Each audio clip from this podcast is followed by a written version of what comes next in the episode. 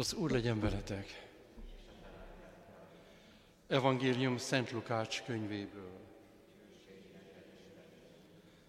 Jézus egy alkalommal megfigyelte, hogyan dobják a gazdagok adományaikat a templom persejébe.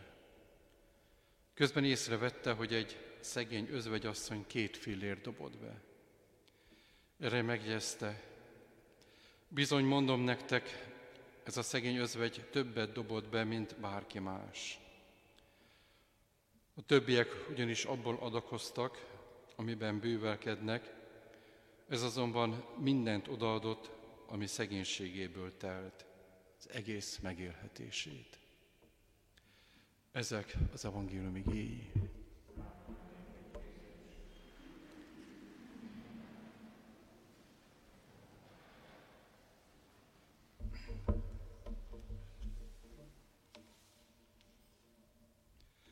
Krisztusban, kedves esvéreim, talán a tegnapi evangéliumhoz nagyon szorosan összetartozik ez a mai evangélium.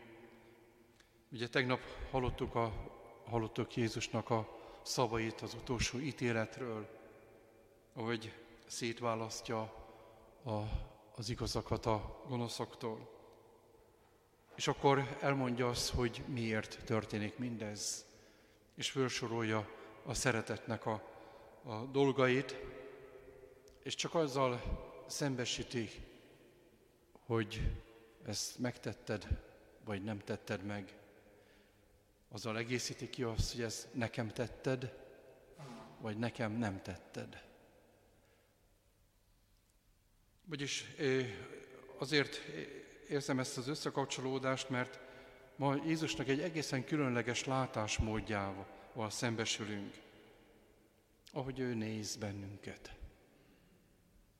És ahogy, ahogy benne a látás megfogalmazódik, hogy, hogy ez az asszony tette eddig a legtöbbet, legnagyobb értéket. És ez az emberek előtt nem volt világos, hiszen gondolom, hogy akkor többiek is odaültek Jézus mellé, és, és együtt nézegették az embereknek a persely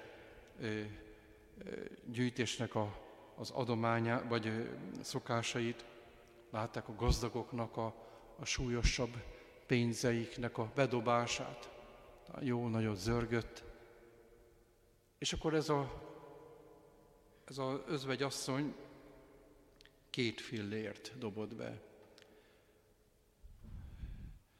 Csak az idősebb generáció emlékszik vissza, hogy, hogy két fillér még a mi eh, gyermekkorunkban is volt.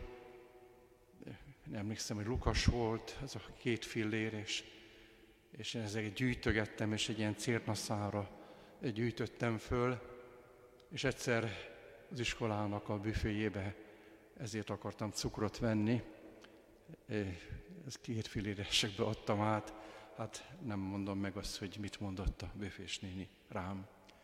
Tehát annyira lenézett pénz volt, legalábbis a gyerekkoromban is, pedig akkor sokkal erősebb volt a pénz. És mégis Jézus azt látja, hogy, hogy ez, ez sokkal többet dobott be, mint az összes eddigi. Mert mindent odaadott az egész megélhetését. És ebben ezt a mélységes hitet és bizalmat vette észre. Ugye Istenre bízza az életét. Szóval ez a, ez a hitnek egy olyan, olyan nagy lépése az embernek az életében, amikor, amikor valahogy meg mer ilyet is tenni. Mert, mert bízik abban, amit Jézus ígért, az, hogy, hogy nézzétek az ég madarait, a mező liliumait, és akkor felsorolja azt, hogy, hogy az ég madarai azok nem gyűjtenek csűrökbe, mint az ember nem dolgozik úgy, hanem, hanem a mennyi atya táplálja őket. És szépen megélnek, és szépen teszik a dolgukat. Vagy a mező liliumai azok pedig nem fő, szó, szőnek, nem fonnak, Szintén az, hogy, hogy nem ők állítják elő a megélhetésüket, hanem, hanem a mennyi atya öltözteti őket ilyen ruhába. És azért mit aggodalmaskodtok? Keressétek először Isten országát és annak igazságát, és a többit mind megkapjátok. Most ennek a hite, hogy én odaadok szinte mindent, vagy nem szinte, hanem mindent. Mert hiszek abba az, hogy az Isten gondot visel rám. Jézus nem csak a, a kritikát fogalmazta meg az emberek bűneivel szemben, nem csak a, a bűnt látta bennünk, hanem, hanem nagyon sokszor megdicsérte az embert, hogy ilyen hittel még nem találkoztam Izrael földjén, és sok-sok ilyen építő hát, dicsérete van, ami, ami, ami szárnyakat, szárnyakat adott azoknak az embereknek. Egyszer érdemes lenne így keresni evangéliumban, hogy Jézusnak a dicséretei. Uram, köszönjük azt, hogy Te olyan bíránk leszel, aki Te a szívünket vizsgálod, aki ismersz bennünket, aki szeretsz bennünket. De kérjük hogy nagyon komolyan vegyük az életünket, és nagyon komolyan vegyük a, az életnek, a értékeknek a szerzését, hogy ténylegesen tanuljunk meg szeretni. Amen.